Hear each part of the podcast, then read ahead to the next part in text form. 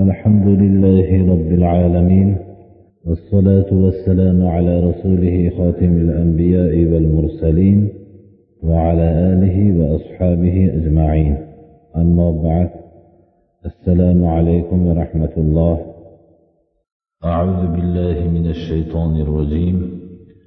قل لا أجد فيما أوحي إلي محرما على طاعم يطعمه إلا أن يكون ميتة أو دما مسفوحا أو لحم خنزير فإنه رجس الله سبحانه وتعالى من أبو آيات قطعي بولغان حرام لرنين ba'zilarini zikr qilib o'tyapti bu haromlar yeyishlikka taalluqli bo'lgan ya'ni yemoq qat'an harom qilingan narsalarni zikr qilyapti.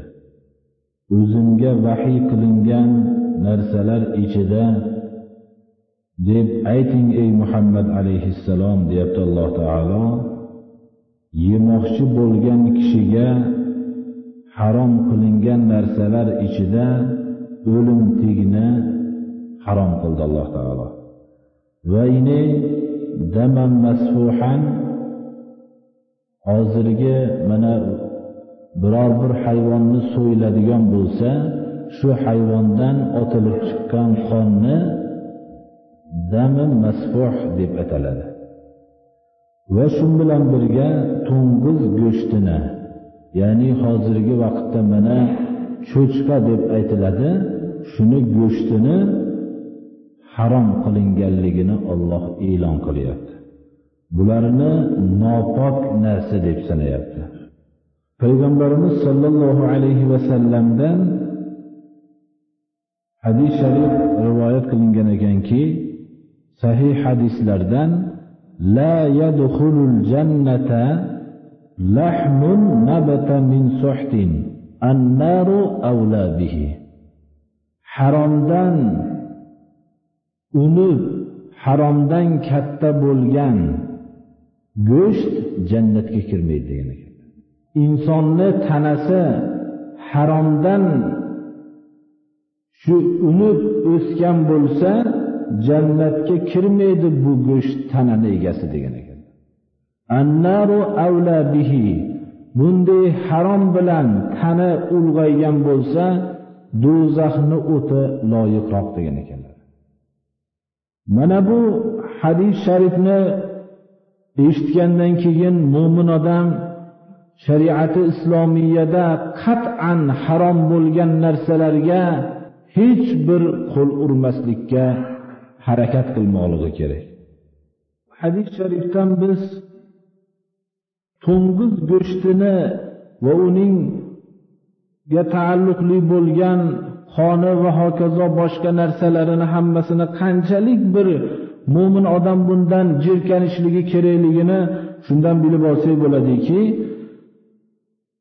payg'ambarimiz sollallohu alayhi vasallamdan rivoyat qilingan imom muslim o'zlarini jomiu sahihlarda rivoyat qilganlar. Man laiba binnar binnardashir فكأنما صبغ يده في لحم الخنزير ودمه nard deb narda deb ataladi bu narsa avvalgi vaqtlarda ham bo'lib qimorga taalluqli bo'lgan narsalar bo'lgan bu bilan kishilar bu narda o'ynashlik bilan qimor o'ynashganlar mana bu hadis sharifda payg'ambarimiz sollallohu alayhi vasallam bunday qimorga taalluqli bo'lgan o'yinlardan ehtiyot bo'lishlik haqida ogohlantirib aytganlarki kim shu nardashir ya'ni shu nard o'yiniga bilan o'ynagan bo'lsa go'yo qo'lini to'ng'iz go'shtiga tekkizibdiyu qoniniga tekkizibdi degan ekanlar.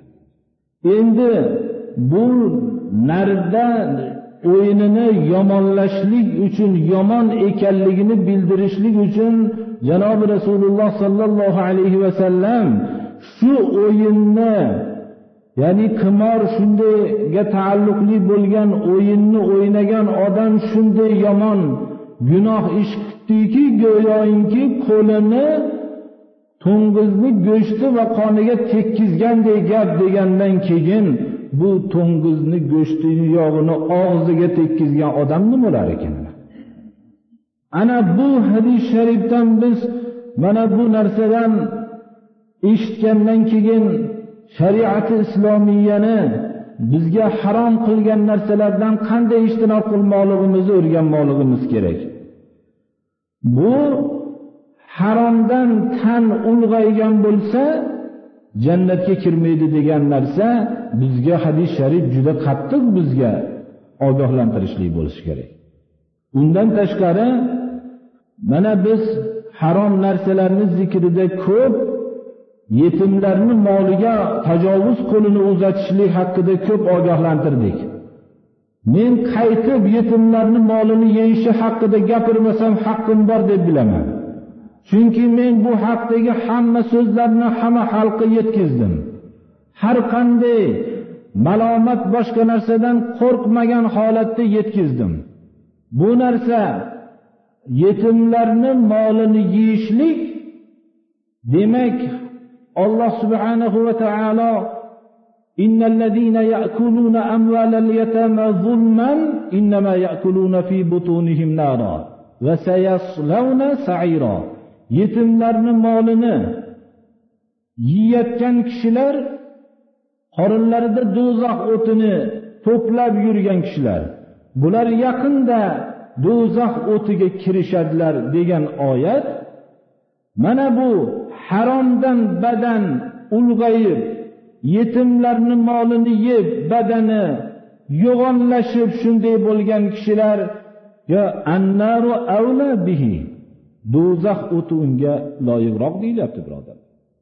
Ana bu hadis shariflarni oyat kalimalarni hammasini tekshirib ko'rilsa nihoyat darajada bir biriga bog'lanadi. Undan malomat yengilroq birodarlar dunyoda. Malomat gunohlaringizni to'kilishligiga sabab bo'ladi. Bo'lib ham nohaq malomat bo'lsa bundan hech mo'min kishi tashvish qilmasligi kerak.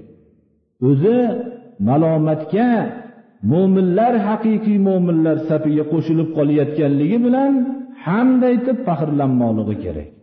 Mana bu hadislar bu oyatlar bizga oyatlar bizga nuzul bo'lgan. Dunyo harom halolni farq qilmagan oyatlar nozil bo'lishligidan ilgari risolat payg'ambarlar olib kelgan yo'ldan tashqari boshqa yo'llar halol bilan haromni farq qilgan emas tomoqdan o'tsa bo'ldi deb hisoblashgan.